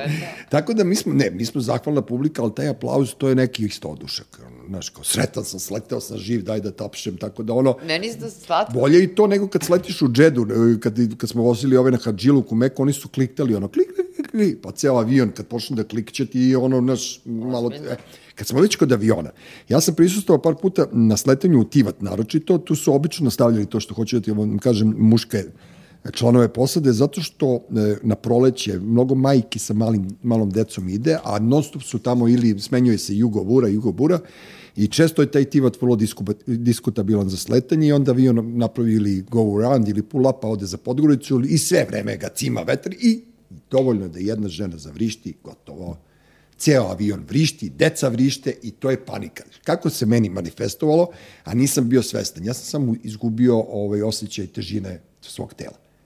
Znaš, hodao sam kroz kabinu, neku ženi sam nešto e, dodao i samo sam provalio da ja ne stojim, da ja lebdim. Da. I onda sam ja shvatio da sam ja uletao u napad panike. Mm. Da je mene uhvatilo to, ali to je ljudi kao požar, vi vjerojatno znate to. Ili ste simulirali tijekom školovanja ili niste? Nismo simulirali, ali mi podsjeća nešto što ja doživim s vremena na vreme do, u toku vožnje, mm -hmm. kad bude neka sad rizična situacija koju onda odreaguješ u trenutku i onda voziš narednih ono, 50-100 metara i onda u trenutku ostatim potpuno da ja ne osjećam svoje noge. A jesi uleteo nekad... U, u, u, nekako taj, da, da, da nemam hteo. Ne, okej okay, to, ali da li si nekad u grupno, to u čoporu uleteo u paniku? Znaš, jel ljudi kažu da je panika kao požar, da se on užasno brzo širi. Ja kažem, meni kad bi jedna žena vrištala, ja ne bi reagovao, ali kad zavrišti njih 30, da taj osjećaj, znaš, ono, neke, kao da te bije nešto u stomak, ono... Kapiram, kapiram. Da. To je fenomen moralne panike. Mm -hmm. Ali to je nešto o čemu smo pričali. O, emocije su zarazne, neverovatno su zarazne. Da. Znaš, i one se jako lako šire. Da, znaš. Da, da, moguće. Ne znam, kako ti kažeš. Evo, pričali ste u vašem podcastu, evo sada ono da, da kažem, da vas pohvalim. E, meni je bilo interesantan deo e, kada ste pričali o nekom mladom Japancu koji se ubio neka njihova teenage zvezda i da je krenulo da, da su krenuli da se penju po zgradama. Da, da, imitatori, da, da. I, da se... imitatori. Da, I to je, onda je to mene podsjetilo na, to se, ja mislim ti verterizam, e, Jadi mladog Vertera, to je Gete napisao u 17. veku, ako se ja ne varam, tad se poubijalo pola Evrope zato što su čitali tu knjigu i zato što je bilo moderno ubiti se. A Japanci su poznati kao samoubici i sad, ko je to, znaš, ajde da, kako nešto može da bude toliko, toliko kako nešto poput samoubistva može da postane moderno? Ne znam, mislim, moja pretpostavka je da ljudima treba nešto za što će da se uhvate, ne, da. da daju neki smisao. I da je to u stvari... Koji je smisao da se ubiješ, brate? Da, da se razumemo, u Japanu je do pre par decenije su postojali priručnici za samoubistvo. To je kulturološki fenomen. Znači, oni su do skoro imali, znači, prosto mi moramo da shvatimo da nekako samoubistvo, mm -hmm. ono jeste univerzalan fenomen, ali tako, koji je prisutan u svim istorijskim epohama, na svim geografskim širinama, dužinama, ali kulture različite imaju različite odnose prema samoubistvu. I u Japanu, kažem vam, postojali su priručnici pre par decenija. Tako da kod njih nekako, da kažem, meni taj fenomen nije toliko stran Jer ovo je relativno, da kažem, do skoro bilo nekako socijalno prihvatljivo. A dobro, ali čekaj, stani, ako neko već... Dakle, stari Sloveni su takođe imali ovaj te fazon. Su se žene, recimo, uh mhm. -huh. samo spaljivale Kao u Indiji, znaš ono kad recimo muškarac umre pa onda ženu spale živu. Mm, Čisto ajde red. Tako zajedno. zajedno sa njim. To su i stari Sloveni neko... isto imali. Ne, ja znam za nas... Znaš, da... odnos prema samobistvu je različit bio u različitim periodima. I to je ono, to je suština u stvari tvog pitanja. Mm -hmm. Kako su odjednom sada neki mentalni poremećaj, odnosno neka duševna stanja, uopšte došla u medicinu? Kako su se sad pojavili odjednom u medicini? Da, odakle, da, ne, pa to ti je Šekspirov, pa, zar nije Šekspir biti ili ne biti, ono je u stvari da li da budem, da li da se ubijem ili da se ne ubijem, to je, je to je ta dilema. Je. To je ta Znaš, dilema. neko je izgradio, kako ti kažem, to, to, mislim da je katolička crkva ono veštija od, od Vučićevog PR tima bila. Znaš, oni su strašno, strašno lepo manipulisali ljudima i strašno lepo manipulisali trendovima i mislim da je to znaš, kao taj, kao biti ili ne biti ta fora, kao to je čast, oduzeti sebi život, kakva je to čast, valjda treba da se boriš do kraja da doprineseš nekome nešto bar savetom, jebote, ako ne možeš više da kopaš Znam, njivu. Ule, ali svako od nas ipak o, negde oblikuje kulturu u kojoj živi. Ma, Znaš, dobro. to je to, tebi i meni nekako blisko. Šta su sad ovi kamikaze moderni? Pa, kao, da. Na primjer. Da. da, dobro, jeste stvarno. Ali mislim da sam, ja to sam ubistvo po, po, postoji od uvek, postoji svuda, kao što smo rekli, ali čak i mi psihijatri nemamo mi neki sad uh, apsolutno znanje o tome i, i mi imamo neki odnos prema tome. I to je odnos, to nije neka... Ne, znam. Da mi sad imamo potpuno ono, to je istina i to je tako. Ne, ali ono kad kaže neko, evo moja čerka je pre neki dan rekla, e, ako dobijem jedan iz matematike, ubiću se. Ja sam rekao, ti bre normalno, zašto tako nešto govoriš? Kao, kako je tebi, kako je došlo do, tvojih e, mladih e, šminkersko-vračarskih usta da ćeš ti da se ubiješ? Znaš, meni je to nekako ono predaja. Znaš, ja ne, je, nije da ne volim, nego prosto znaš, ne, ne mogu sad da budem toliko empatičan pa da lažem da ja imam, e, kako, da, da, kako se kaže, da imam simpatiju prema tom potezu. Ne, ja nemam. Mislim ne da, znam se, zašto. da se, znaš šta, da se ogradimo odmah, mi Ma, psihijatri, naravno. naravno. kada nam neko kaže, dođe naravno u ordinaciju i kaže želi da se ubije ili razmišlja o ubistvu, samobistvu, mi u tom momentu, tako, uvek reagujemo vrlo Vrlo, ozbiljno. Da. U? Da, ali vrlo oštro i vrlo ozbiljno i tu postoji glavna fora koju učimo čak i studente koji neće se bave psihijatrijom. Znači uvek pitajte osobu da li želi ili razmišlja o samoubistvu. Znači nemojte preskakati tu temu. da, jer postoji uverenje da ćemo, da ćemo ako pitamo da, da nekome indukujemo to, a to nije tačno. To apsolutno nije tačno. Znači, Misliš da je pro pitanje ne, iz, ne, nego, Ne, ne, ne, ne. pitanje ne izaziva suicidne misli, nego ljudi se plaše da pitaju, mi se ja ako ga pitam, možda mu ja otvorim tu temu, pa možda on zbog toga poželi da se ubije. Ne, uvek treba pitati. Dobro, pa Apsolutno. Međutim, ajde da se ne lažemo, znači, e, ozbiljni ljudi koji se bave nekako, da kažem, tom statistikom, mislim konkretno na američko udruženje suicidologa, je došlo do jednog fenomenalnog rezultata. 90% ljudi je nekad u životu, zdravih ljudi, reklo ubiću se. A zdravi ljudi tokom života dve nedelje ukupno provedu u razmišljanju da život nema smisla. Da. Prema tome, ajde da ne stvaramo i da ne, ne, sta- ne stavljamo sve u kategoriju patologije. Ja ne znam, pravo ti kažem, mi smo slična generacija i šta smo mi sve prošli i, i, i, šta je sve prošlo mimo nas, ja nekako mislim da mm, ne znam, znaš, mislim da mi, mi, mi generacijski ne razmišljamo o tome. Znaš, nekako je, je, otpali su ljudi koji su trebali da otpadnu. Sad mi koji smo ostali ovde i koji živimo i koji smo sugrađani ili već, ono, ne znam, savremenici, nekako smo tvrđi, drugačiji smo. Znaš, mi smo imali ono bombardovanje, pa, zem, pa zemljotres, ono za vreme bombardovanja, seti se, pa ne znam, znaš, ne znam više šta je trebalo da se desi da bi mi došli u situaciju da potonemo. Pa dobro, ali ja, na Ti- ti primjer, si sad, pričao o tim katastrofama. Kažeš, kažeš e, za tvoju čerku što to kaže. Eto, Da. Ja sam verovatno bliži godinama njoj nego tebi. Ovaj, uh, Puste negde. uglavnom, uh, pa nije, mislim, mlad. Dobro, dobro zete, ono, ono, ako dođeš, ako, bu, ako mi budeš zete, ono, davit ću te svaki dan, sam normalan. Da, meni to uopšte nije strašno, nekako. Ja sam tako odrastao, to je potpuno normalno. Ljudi, svi ljudi pričaju ubiću se kolokvijalno sada. Mislim, to je nekako... Da. Ja sam vidio prijatelje koji jednim drugima kažu ubi se kao kad nešto loše uradi ili tako nešto što je opet Žargonski, da. žargonski, ali mislim da to me to prosto tako je, smisao za humor se menja, sve je Pa dobro, na- morbidniji, daleko- sve je otvoreniji, sve je preteraniji, tako da mislim to je... Ma ne, daleko bilo od toga da, da, da, da sam ja pomislio da će ovo da se ubije, nego ti ne, kažem, znaš, to- kao, nije- meni to kao, znaš, nije- zašto, neko tako lako poteže život kao ulog za neku glupost? Znaš, to, to je meni nejasno. E sad, e, depre, kažeš depresivan si. Nisi, brate, depresivan, nego ima, depresija, jel tako, se sastoji od više bolesti. Nije samo, Depresija. depresija nije dijagnoza. Ne, to je grupa tu, bolesti. Tu ulazi grupa Da, bolesti, da. grupa, da, grupa Inači, stanja. a ko- koje je najteže stanje psihičko koje čovjek mora pre nego što ga zatvoriš u ga zaključaš? Pa da ti iskreno kažem, kada sam razmišljala, Ne, ozbiljno. e, kada sam, svi mi negde bi razmišljamo, tebe zaključao odmah, brate, milion. od čega, pa jeste, evo, je Ne, ozbiljno, tako? pit- interesuje. Jesmo razmišljali o tome šta bi, recimo, e, koja bi bila najteža bolest koju bi mogli da podnesemo? Pa da, pričali smo o tome, mislim, ja isto mislim da bi nekad ako psihičke bolesti nekad uh, ne, teže podneo Jesi nego neke... razmišljao nekad od ko, koje bolesti ne bi volao da boleš? Koja ti je nekako najteža? Pa, odmah mi je demencija prva. Demencija.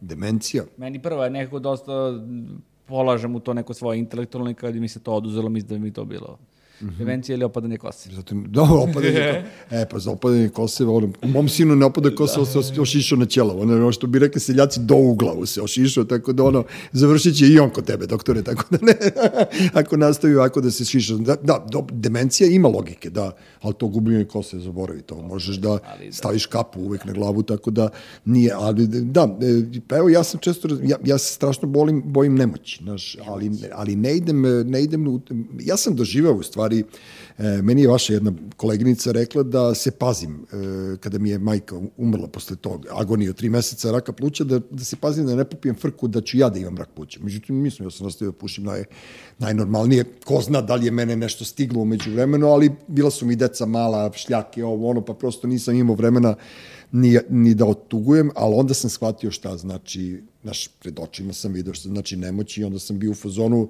eto, to je to. Kao, i preću da se ubijem nego da, da živim ovako nešto.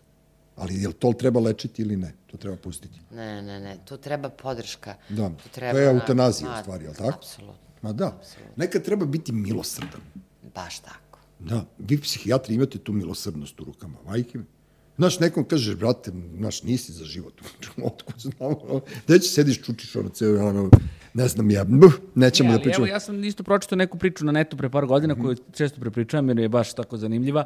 Isto samoubistvo od čoveka koji je, da kažemo, psihički zdrava. To je, znaš, kako su u Americi ovaj, zdravstveno osiguranje i slično i mnogi ga nemaju, ne mogu da lečenje svoje ovaj, uh, nikako plate Isplate. i sad čovek je obole od Parkinsonove bolesti, ali još uvek u nekom blagom stadijumu bez nekih ovaj velikih simptoma, znači vrlo onako vitalan i on se ubio zato što nije imao osiguranja i zato što bi lekovi ti bankrotirala bi njegova porodica, njegove ćerke kad bi on morao da nabavlja te lekove. Da. I prosto to je bila odluka, znači pro- prosto. Racionalno. A dobro, ali on je to uložio u posao, tako. uložio u posao, uložio, uložio u budućnost.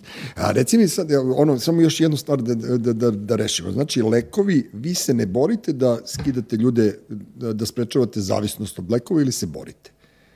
Ne, ne, znaš koje je pitanje? Da li je, da li je moguće živeti na suvo u ovo vreme? Da li postoji neko mentalno jak ko može da bez bilo kakve pomoći od strane nekih narkotika, alkohola, lekova ili bilo čega živi. Bez slatkiša. Bez, Svako ima neku drogu, samo je pitanje ne mora droga biti hemijska, može biti... A to ti kažem, znači ono i, i, i prežderavanje. Znači, ja sam imao faze kad sam Ali se to je opet substanca, znači nekom droga može da bude njegov posao, nekom droga može da bude religija, nekom droga može da bude neki ljubavni odnos, Što ali ljudi beže, nečim opijeni. a što beže ljudi u religiju? E, imaš ono, evo, Olja zna to, svi, let, svi bivši beogradski narkomani su završili po manastirima i sad su svi bliži Bogu nego što su, ovaj, psi su pobegli tamo. Zašto, za kako religija tačno leči u Aj to drogu? nešto im nudi, to isto što im nudila, što im je nudila droga. se oni toliko uplaše pa kao samo Bog može da im pomogne. Neozbiljno, majke mi rođeni. Ja znam ono primere koji su ono puni manastiri bivših, bivših beogradskih džankoza. Ja znam jednu doktorku koja kaže, ovaj, kad dođe pacijent koji je religiozno, on kaže, ovo pa ovo je gore od heroina, u smislu koliko, ga je, koliko je teško ga je odvojiti od nekih uverenja koje idu uz to. I koja, jer opet religija, bez sad nekog, eh, da kažem, sa, kažemo sa punim poštovanjem, ovaj, stvarno kao filozofija životna, eh, zaista promoviše neke prave vrednosti. Međutim, ono što je što ima kod ljudi koji ulaze u religiju iz, da kažem, pogrešnih razloga, ono što ja vidim da se vidi neko, daje im neku vrstu uh, mišljenja da su oni sad bolji od drugih. Daje im neku vrstu moral, toga, moralni narcizam, da su neko mnogo ispravni, da oni pripadaju toj grupi ispravnih ljudi i da zbog toga, ne, zbog toga ih je jako teško odvojiti od tih uverenja i samim tim napraviti kod njih bilo kakvu promenu.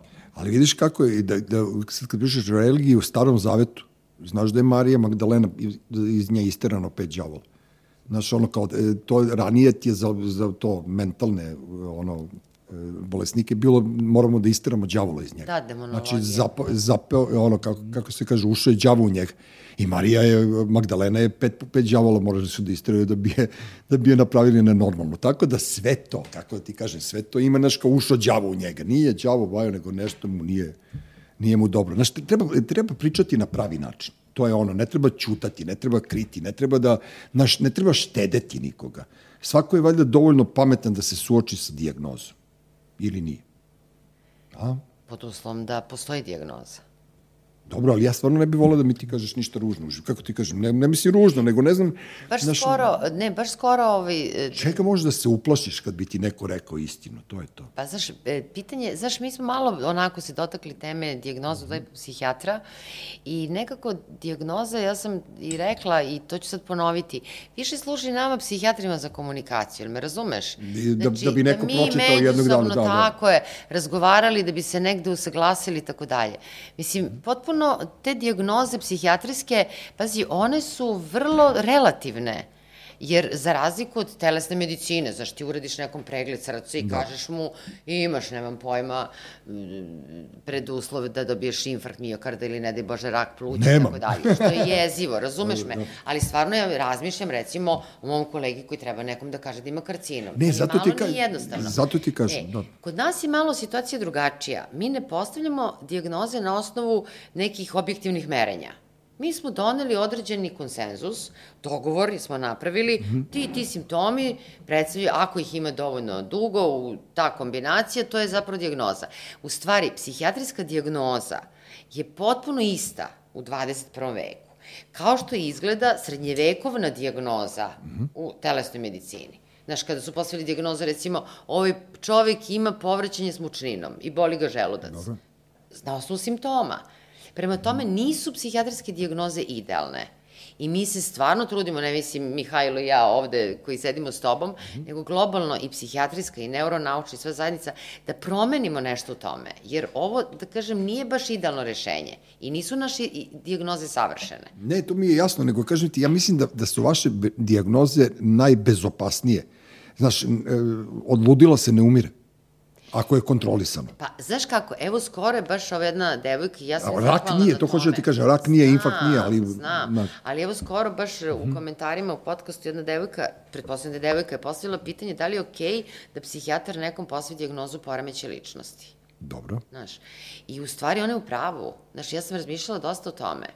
Jer kad nekome kažeš poremeće ličnosti i onda mu ovo još objasniš da to u stvari nije diagnoza, nego da to stanje, kao ne znam kriva kičma ili kad se nose cviker ili ravni tabani, znaš, i onda čovek se susretne šta znači moja cela ličnost je na neki način poremećena. Znaš, to u stvari je vrlo scary, jeste, neko jeste. čuje. Da, e, a ne voliš ko bi volao to. Apsolutno, ali zato je psihijatar onda dužan, ako već uđe u tu priču, i ako, mm -hmm. naravno, osoba interesuje šta je njegov problem, a to je da mu objasni da, da nije to tako strašno i da mi danas stanja koje nazivamo poremećima ličnosti i te kako možemo da tretiramo i da je prognoza za pet godina super. Ozbiljno. Pa da, Super. znaš, ranije to bilo, to je doživotno, to je kronačno, tako. Celoživotan loš obrazac ponašanja koji ne može da se ispravi nikako. Znači, vi nemate, vi nemate neke ono, dodine tačke ili imate sa, sa lečenjem zavisnosti. Da. Vi lečite ne, zavisnosti, da, da, da, da, da, pa dobro, pitam samo, znaš, da, da, zato što su to u stvari isto stanja koja te dovedu na, na, na, raz, na ivicu razuma. A, ali dobro je što si to pitao. Mm -hmm. Znaš zašto je dobro što si to pitao? Zato što mi imamo te neki medicinski model koji, da kažem, nekih stotinja godina onako do, u domenu zavisnosti dominantan. Ranije bio taj moralni model, ono umerenjaštva, pa ne znam, Benjamin Rush, pa ne treba mhm. piti, pa znaš, ona prohibicija u Americi, pa šta se sve dešavalo ranije. I to, da ne pričamo o toj demonologiji u srednjem veku. A u stvari sociolozi se ne slažu s nama i -hmm recimo filozofi alkoholizma, pazi, postoji filozofija alkoholizma, sociologija alkoholizma. Oni kažu da je to pitanje konvencije. Znaš, ti imaš sredinu u ostalom u kojima je uzimanje rake svaki dan i opijanje sasvim okej. Okay. Da. Znaš, to je stvarno pitanje konvencije i to je relativna stvar. Znaš, u nekoj sredini... Apsolutno, a mislim da kod nas ovaj, u našoj ko, kulturi. Je to popijem to dosta, a s druge strane na medicinskom fakultetu onda ljudi da se uči nešto potpuno drugačije, onda imamo potpuno jedan suko mišljenja i nemamo. Sad mi smo u pravu, to su sve gledišta neka. Evo, evo sad, ne znam da li ti si gledao, verovatno, ja ne znam za tebe, ja sam vidio slučajno, još jedna runda se zove danski film, Aha. gde su kao, ne znam da su slagali, da li postoji taj eh, danski pa ne, psiholog ne znam da je neko možda, sproveo to možda eksperiment da, stvar. Kao žvaka je ta da je svaki čovjek rođen sa deficitom od 0,5 e, alkohola u krvi. I onda su oni počeli da cirkaju svakodnevno da, da dođu tih 0,5. Ali samo u radno vreme i radnim danima, a nikad vikendom i nikad... I nikad posle 8 uveče. Znači, samo se pije dok se radi. Da da se bude... A oni su svi profesori u srednjoj školi i to da je to. Da se bude da. efikasno, da. šta? Da. da. I oni su Ima svi... koncentracija, mere, na primjer, ja mislim da je 0,5 promila. Znači, onako su ne, nula, kao deficit, oni su prvo da, da. počeli da jure 0,5, naravno su posle preterali, da, da. a posle ono, ne, nebitno, ali kao taj, koliko je to dobra postavka Da, da. I kako... A i si vidio kako su oni to u stvari afirmacija kao za cirkus. I ne kao, ako imam 0,5, ja ću da budem super, kao širimo ljubav. Pa da, glavni lik je kao profesor istorije koji je kao tako dosadan, dosadan studentima, dosadan ženi, dosadan svima. Dosadan I onda on deci svoje, sa da. Tim, sa, sa tim pijenjem postaje odmah zanimljiv, inspirisan, da. drži bolje lekcije, potpuni prepor doživi kao toga što, što pije. Znači, bolje... Znaš ti, sa oproštenjem, ja moram da kažem, pošto ste vi ljudi navikli na sve, meni, ja kad sam prestao da cirkam pre dve godine, stvari vi sad dve i po godine, to je bila moja odluka, naglo sam presekao. E, nešto sam na moru imao neku svoju filozofiju, meni moja žena rekla popi pivo pičko. ja sam bio u fazonu, znaš, kao šta se plašiš, a ja nešto kao neću, ja više to nikad, zato što ja ono, kao, znaš, kao, kao nekad si bio takav frajer, a sad kao ne smiješ ni pivo da popiš. E, to ti je to, znači, znaš, nekad treba, ono, imati toleranciju prema tome. Znaš, ovde kod nas isto to, kao neko pije rakiju, on je svi kao, ja stoko alkoholičarska, ko zna kojega je muka naterala, što ja kažem. Znaš, ja uvijek polazim od toga, majke mi. Ja imam to, znaš, kao ne, ne znam, neko kupuje hleb pa ne može da dohvati, pa mu ja podignem ili, znaš, treba ljudima pomoći, a vi dok dođete do toga da se ljudi naviknu na, na vašu pomoć, vi nećete to doživati. Ali i ovo što si rekao, to je, to je fakat. Mm -hmm. Znaš, ajde da mi ne smatramo da smo, niti smo omnipotentni, niti znamo sve, jer pogledaj koliki procenat ljudi je sam prestao da pije. Koliki da. procenat ljudi je sam prestao da puši. Koliki procenat ljudi, znaš, ima dosta. Ne, ne, ne, samo kontrol, ne, ja, Ne treba svakome lekar. ja sam bio u fazonu da Americi su anonimni alkoholičari, o- okosnice lečenja alkoholizma već koliko, 70 Pošto oni ne godina. pripadaju Da. zdravstvenom Ne sistemu. pripadaju. Pa da. a, o- obratite pažnju na moju teoriju da je alkohol gorivo u mladosti.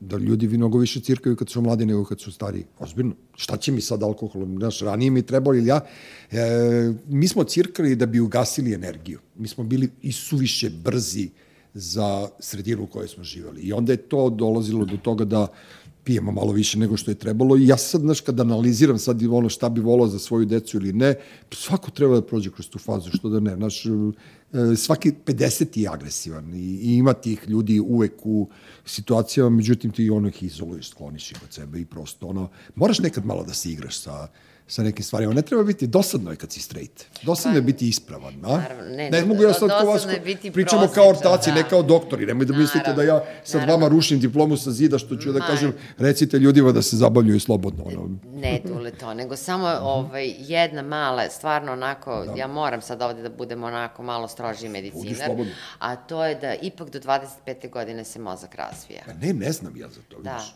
Ja sam mislio da je do pet. Ne, do 25. Ne, ozbiljno. Znači, moje... Aha, dobro. A, je, pa fino, sad ću da odem kući, pa ću Čisto malo... da- znaš. Eto, znaš, uvijek čovjek nauči sve. Znači, nije I to... onda malo je šteta, znaš, da se preteruje. Ne, naravno. Da, da, pa ja ovaj, kad... Dobro, ne e, treba Znaš, svakodnevno, nekako naš... mladi, Da. A dobro, nešto nekad, pazi, ja, ja nikad nisam skočio s padobranom, a sam leteo paraglajderom. Znaš, ima tu nekih stvari koje tebi moraju, moraju da te, da te nivelišu. Jer, znaš, ako živiš dosadnim životom, ti ćeš biti dosadan čovjek i ti ćeš zaista završiti kod vas. Znaš, to je to, dosada ubija. Nije, ne ubija savremeni život, ne ubija šljaka, ne ubija, ne znam šta, nego Dosada je monotonija. najgora, jel- I to kad si nepismen, kad ne čitaš, kad ne gledaš, kad ne slušaš, to je to. Pa nisi živ. Da. E, ima, ono, ima onaj film The Lighthouse od par godina. ovaj, e, film je sniman crno-belo, onako baš jezivo. Dvoj, znači, radnje se dešava početak 20. veka i ovaj, na dva i dvojica tih čuvara svetionika su zaglavljeni na tom ostrvu gde je samo svetionik, ne mogu da, zbog oluja nekih, niko ne može dođe po njih i oni su tu nedeljama i nedeljama. I znaš kad počinju da, da lude? Kad nestane alkohola. A, I onda on priča, onda on to u stvari priča, e, ovaj je stariji njemu, on kaže, pošto je bio mornar i dugo je plovio, i kaže, zašto mornari piju? I zato, samo zato što je nepodnošljiva dosada. Da, I da, da. Ljudi izlude u stvari od dosade, ne od nedostatka alkohola kao takvog, nego od dosade. I da je, da je piće samo prosto način nekad da se izbegne dosada. Pa dobro, ali vidiš tih savremena umetnost, u stvari umetnost uopšte, ovaj, pijanci su najbolji pisci. A ja, recimo, nikad u životu nisam mogao ni mamoran da pišem, a kamoli pijan, ali Hemingway, pa Bukovski, pa ne znam ko još. e, Ali znaš gde je tu trik? U onom što si baš malo pre pitao Mihajla, odnosno pre nekog vremena, za bipolarni poremećaj. A to je to. To je fascinantno. Dakle, ljudi koji, uh, pisi, Mhm. uh, književnici, pesnici, glumci, neverovatno, znaš koliko puta, po deset puta i više puta je veći broj osoba koji imaju bipolarni poremećaj nego među ovima koji nisu umetnici, koji nisu kreativni. Aha, to je to. Pa dobro, pa Znaš, a u tim fazama e, povećanog raspoloženja, je li tako? Mhm. Onda malo više piju, a u fazi depresije opet piju da bi utolili Pa da. tu tugu. To ima Bukov, ja bi baš i Bukovski imao nešto rekao kao kad je kad si srećan, kaže piješ da proslaviš, kad si tužan piješ da se utešiš, a kad se ništa ne dešava piješ da se nešto desi. Ma da, ono, kad si srećan lupili dlan, dlan na dlan, tako da ono... Uvijek postoji opravdanje, uvijek, mislim, uvijek može nađe razlog. A dobro, za sve postoji opravdanje u životu, nego ja samo pokušavam da, da, da, da, da se vratim ono da su 60. godine prošlog veka donele najviše sreći i radosti, jer tad se najviše eksperimentisalo i sa zabranjenim substancama i sve, i tad je bilo i seksualne slobode i sve, sve je bilo nekako normalnije dok nije počelo to da ulazi u neki konzumerski, da- da- dok nije počelo da bude ono, znaš, da se leči da se zavisnosti leče, da se leče sreća da se leči, da, da, da, da neko kad je uh, overreacting bude izopšten, ono, da, da gejevi koji, koji su konačno provalili tu slobodu budu anatemisani. Znaš, kao sve to sasečeno u korenu i sve je komercijalizovano do bola i zato se ljudi i plaše. Jebate, psihologa, a idu kod vračara zašto njima lakše mu da da 50 eura da ga neko laže, nego da mu ti iskeniraš glavu. Pa ne, ozbiljno. Pa zar nije tako? Puta mi kažemo, ali vi nemate problem. Da. Niste za psihijatra. Da. I to je krajnje okej. Mada meni se dešavalo, recimo, veruj mi, dođe mi žena, ispriča mi neku svoju priču, kažem, ali vi nemate problem koji za psihijatra, ona se naljuti. Da, da, da, da, da ona se Ona u naljuti. stvari želi da, Da bude... Lako rešenje, brzo i lako rešenje. Da. i želi u stvari da ima, da ima psihijatrijski problem. Ja, I to je ono što si... Pazi, e, pre, na primjer, koliko godina, jedno deseta godina je objavljen jedan super rad, kaže svako hoće da bude bipolaran. Znaš za to? ne. Zato što upravo to je ono što si ti pričal, tako, koje sve javne ličnosti u stvari boluju od bipolarnog i kao to je sad super.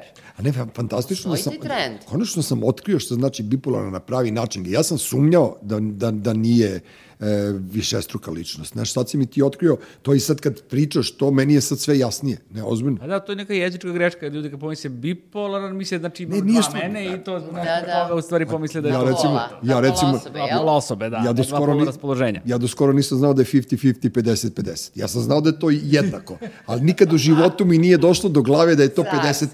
Majke mi moje. Ja sam i rekao sam hiljadu puta 50-50 smo, i onda ja kao, čekaj bre, to je 50-50. Eto, čovjek se uči dok je živ. Na primjer, to, to je evo kao i sa ovim bipolarnim poremećajem. Nema, dobro, e, sada, e, kada smo ispričali, kad sam vam rekao, vi ćete da nastavite svoju ovaj, podcastersku avanturu i priče, samo malo relaks, evo, kao ovo danas što smo pričali i bit ćete super. Sad smo se, još teo doktore da te pitam, pošto si ti u jednom od podcasta pričao o katastrofama, e, pitam za taštu. Kako se, kako se, spre, kako se ovaj, ajde, izvini, ovaj, kako se, kako se sprečava strah od zemljotresa? Pošto žena ima spakovanu, majke mi, rođeni ljudi, dobro, možda ne gleda, ona ima spakovanu torbu na vratima, otkad je bilo ovo u Turskoj, ima spakovanu torbu na vratima, ima čizme i kupaći kostim. Kako je ona povezala čizme i kupaći kostim, ja ne znam, vjerojatno očekuje. Ne smem da je da je pitam, brate, pa, znaš, znaš, Tero to sam moju ženu da je pitali, pa smejali smo se, šta da, znaš, mi smo to odmah, Pa, fenomenalno. Kako ti kažem, ne, ona ima čizme i kupaći kosti, znači ona je spremna i za zimske uslove, ali spremna i da bude na adi. Da, da, kao Otprilike, da, da. ali ako ću Ne. to da da se, da mogu da se kupam, Ja ne znam, ti, ne znam da si ti, ono, nisi ti toliko mator da se sećaš onog zemljotresa u Bukureštu. Mi smo tad izleteli svi iz Gajbi bili i ovaj, ja sam tad zapamtio da treba da se stane ispod draga stola, ispod stola i da se ne ide liftom. To sam zapamtio, to je 74. ja mislim godine bilo. Da, sećam se. A moj, moj najbolji ortak Charlie, on je ceo Herceg Novi izleteo napolje kad je, ovaj, kad je bio zemljotres, pošto se on drako magarac. Zemljotres, svi napolje, svi napolje bio neki onako lajte. Tako da imali su, znam ja, ljude koji se plaše. Šta je to? Plaše se, mislim, stvore se neka uverenja koja nisu baš racionalna i onda su neko vezane uz snažne emocije i teško se sve se izbegavaju, ali to prosto mora da se, mora osoba da se suoči sa tim svojim uverenjima. Dobro, ali ti da kad imaš, Da je, da, ti kad imaš toliko žrtava, Dobro, ali koje su rea, koje, ajde sad, kad, bi, kad smo išli na neke to, da, kažemo da ona ima nešto što mi zovemo kognitivne distorzije, to znači kao iskrivljen, iskrivljeno razmišlja na iskrivljen način, po, iskrivljeno povezuje stvari. Što znači šta? Da se precenjuju šanse da se desi stvarno zemljotres Dobro. i koje bi bile posledice toga i samim tim da se e, na neki način e, ponašanje celo usklađuje sa tim iskrivljenim, iskrivljenim zaključcima. Znači, pojente suočavanja s tim kolike su šanse da će doći, da će doći zemljotres.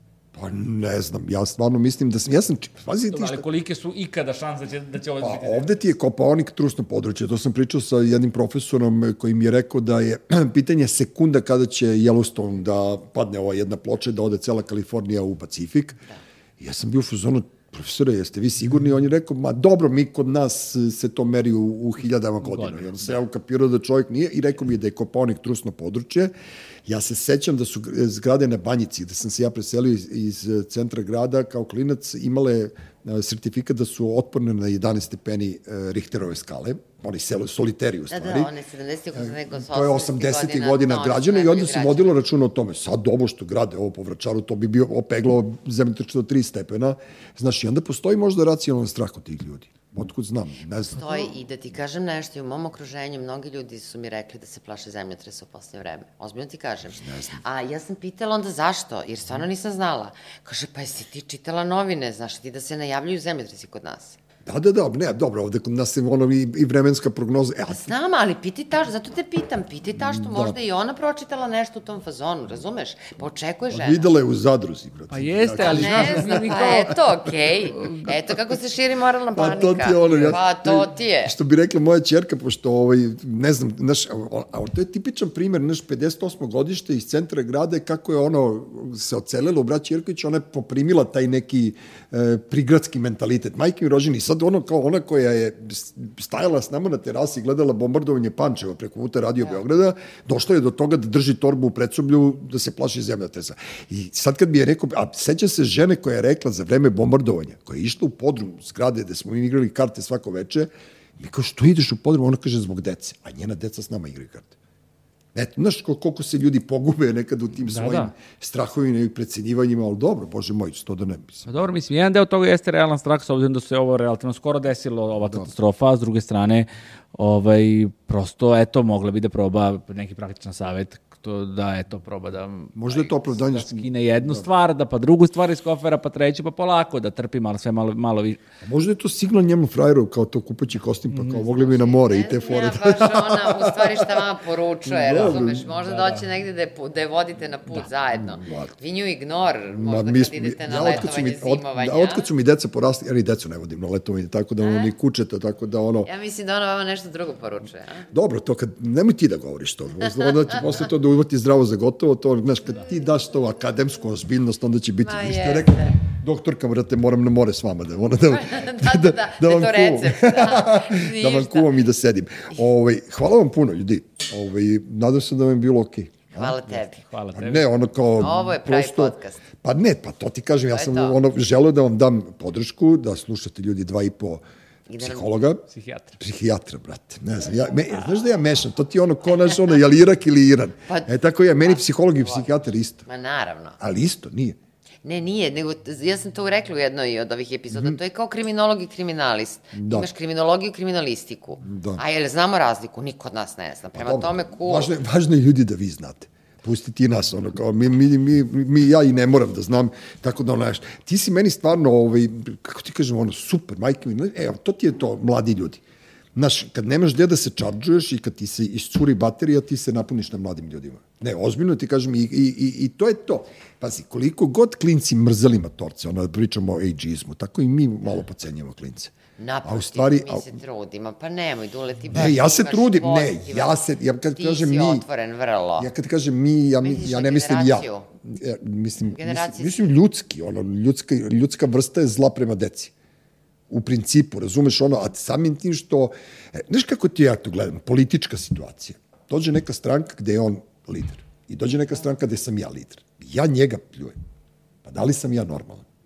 On je budućnost. Tako je. On će da živi još 30 godina, ja neću sigurno. Tako. Možda hoću ono kod Disney, ako me budete negde preparirali i stavili kao u institut da pokazujete, vidite, ovaj dečko sasvim normalan, ovaj, ali budućnost je na mladima i treba im prepustiti neke stvari, treba im prepustiti odgovornost, treba dati svom detetu da vozi kola, jebate, a ne kao ja sad da. najpametniji na jedno, čekam da mi deca dobiju dozvolu da sedim nazad i da se igram s kučetom na zadnjem sedištu, da ne moram ja da nišanim svaku krivinu. I ja zbog toga volim mlade, ja volim mlade bendove, ja ne volim ovo kad Guns N' Roses krene na turneju, narokan svim i svačim, pa onda ja stalno imam dilemu šta oni uzimaju, brate, da im je tako dobro.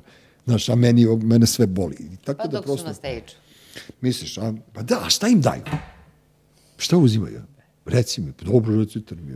Da znamo, možda bismo bili tu, lekari na turneji Guns Roses.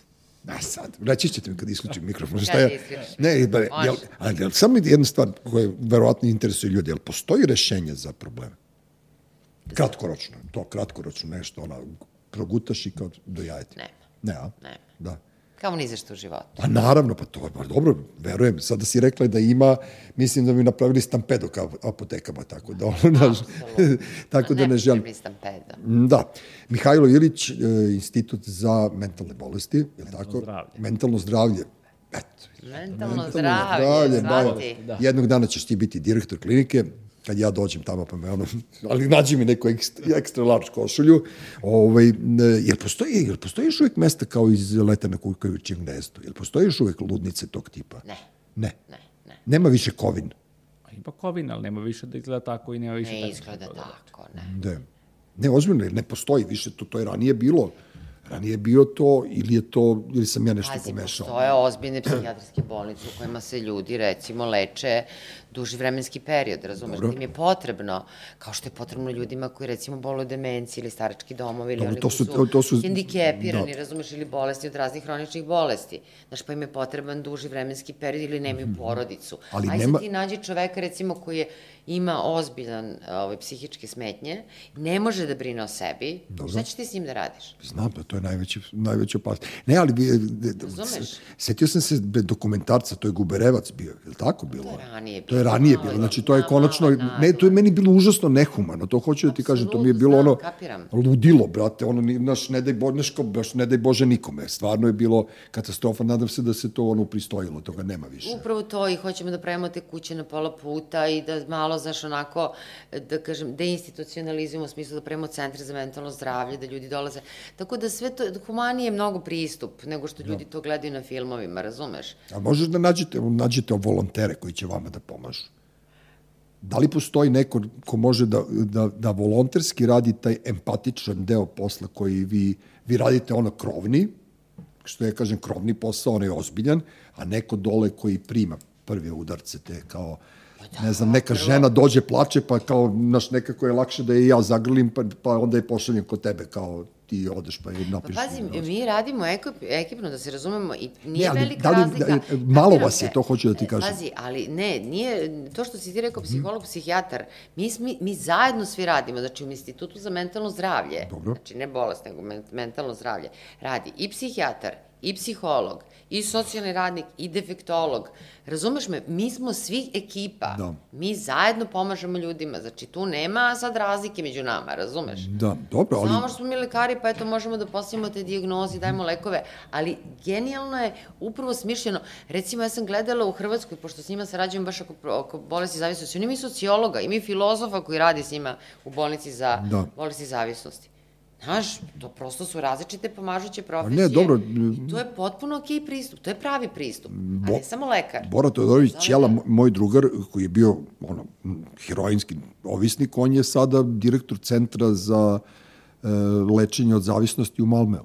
Eto, On je, ali on je kao volonter prošao. Zato sad pokušavam da, se, on je kao volonter, on nema medicinsku diplomu, on je direktor tog, načelnik tog centra i on prima ovaj, alkose i narkomane na lečenje. I oni imaju kao neku čak instituciju vikend lečenja, ono kao, znaš, da ih hospitalizuju kada je najveće zezanje, oni se sami sklonje, sklone tu, ono, ono kako ti kažem, sami, svoj, sami sebi e, lupaju kontrolu i zabranu. ti u stvari misliš na mentora, na recimo lečenog pacijenta Pa koji to, pa pomaže. to, pa dobro, pa Bolestim zavisnosti, mislim, onako, uobičajena pojava. Ne, ja, ja poznajem, isključ, uključujući Da, sebe, mnoge ljude, mentora, ne, da, da, mnoge sad ljude koji, kapiram. znaš kako ti je to, ja imam iskustvo sa svim živim, mi smo ta alava generacija, znaš, i ono, sad ulazim već u godine kad sam, ne, nisam toliko potreban svoje deci, ali bi volao da učinim još nekom dobro. I sad kad bi ne, neko pitao da li je dobro cirkati, duvati, heroin, kokain, sve sam ja to probao. I znam tačno da gradiram i ne krijem, to baš me briga, ono, da li će neko da mi zameri ili ne.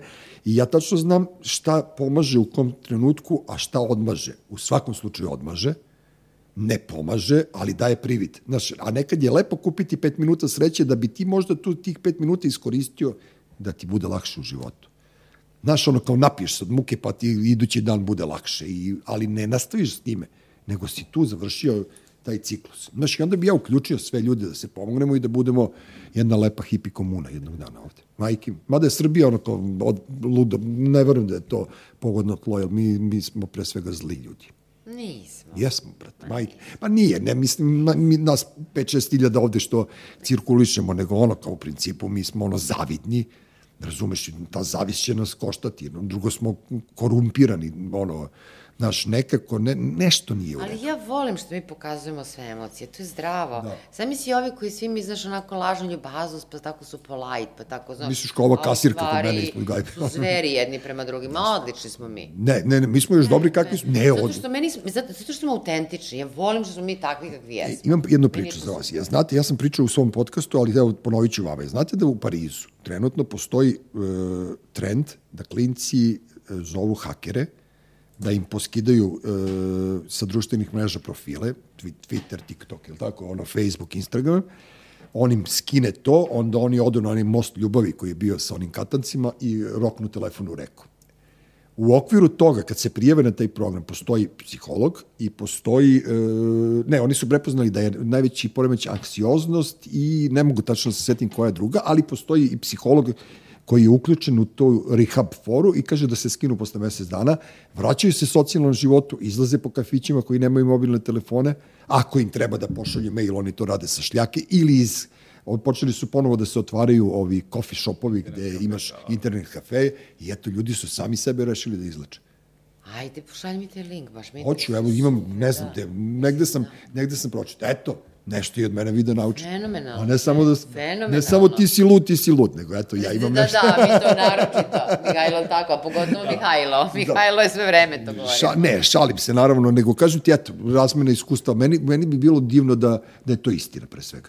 Znaš, Ma to kao, da. znaš, sad ti ono, ne, u ovo vreme kada je, kada je istina ni tamo ni vamo, nikom više ne veruješ, znaš, kako ti kažem, vrlo je, vrlo je čudno, naročito, ne u vašem poslu, na primjer mediji, Znaš, kako ljudi da se izbore? Jebote, prođeš pored trafike i vidiš one naslove, to je kao da neko puca mitraljezom u tebe. I sad ti treba žešće da budeš cool, da bi ti mogao da podneseš taj dnevni, evo malo pre smo pričali o tojim katastrofama, brate, nama je vremenska prognoza nenormalna.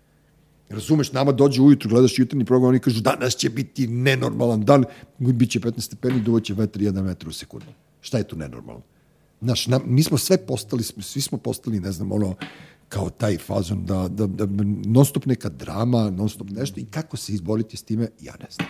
Ali vi ćete znati, bar, bar će za vas biti šljaki uvijek.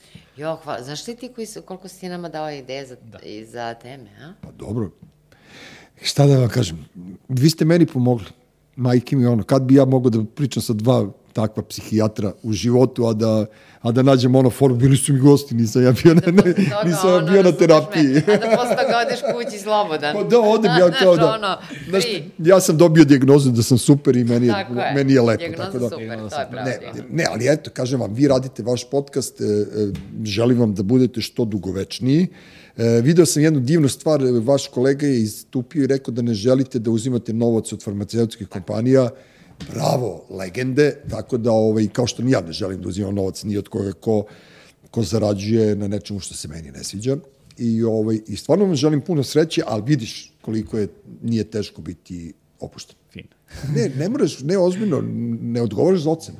Znaš, kao, ako te neko nauči životu i poslu, to je olje. Neozbiljno, znaš, na, nalazite, je, je, to ti je kao Tarzan, uzimaju od svakog po nešto. Kad vidiš nekog taksistu na ulici da čačka čačkalicu, razmisli zašto on to radi. Možda mu je dobro, znaš, kao golica mu nebice. Nešto tu postoji, neko zadovoljstvo u svemu postoji. Mihajlo Ilić, Olivera Vuković, e, Dulen Dejković, Uroš Bogdanović, e, ovo je bilo izdanje podcasta Treći svet. Čujemo se sledeće subote. Hvala vam. Treći svet. Treći svet. Treći svet.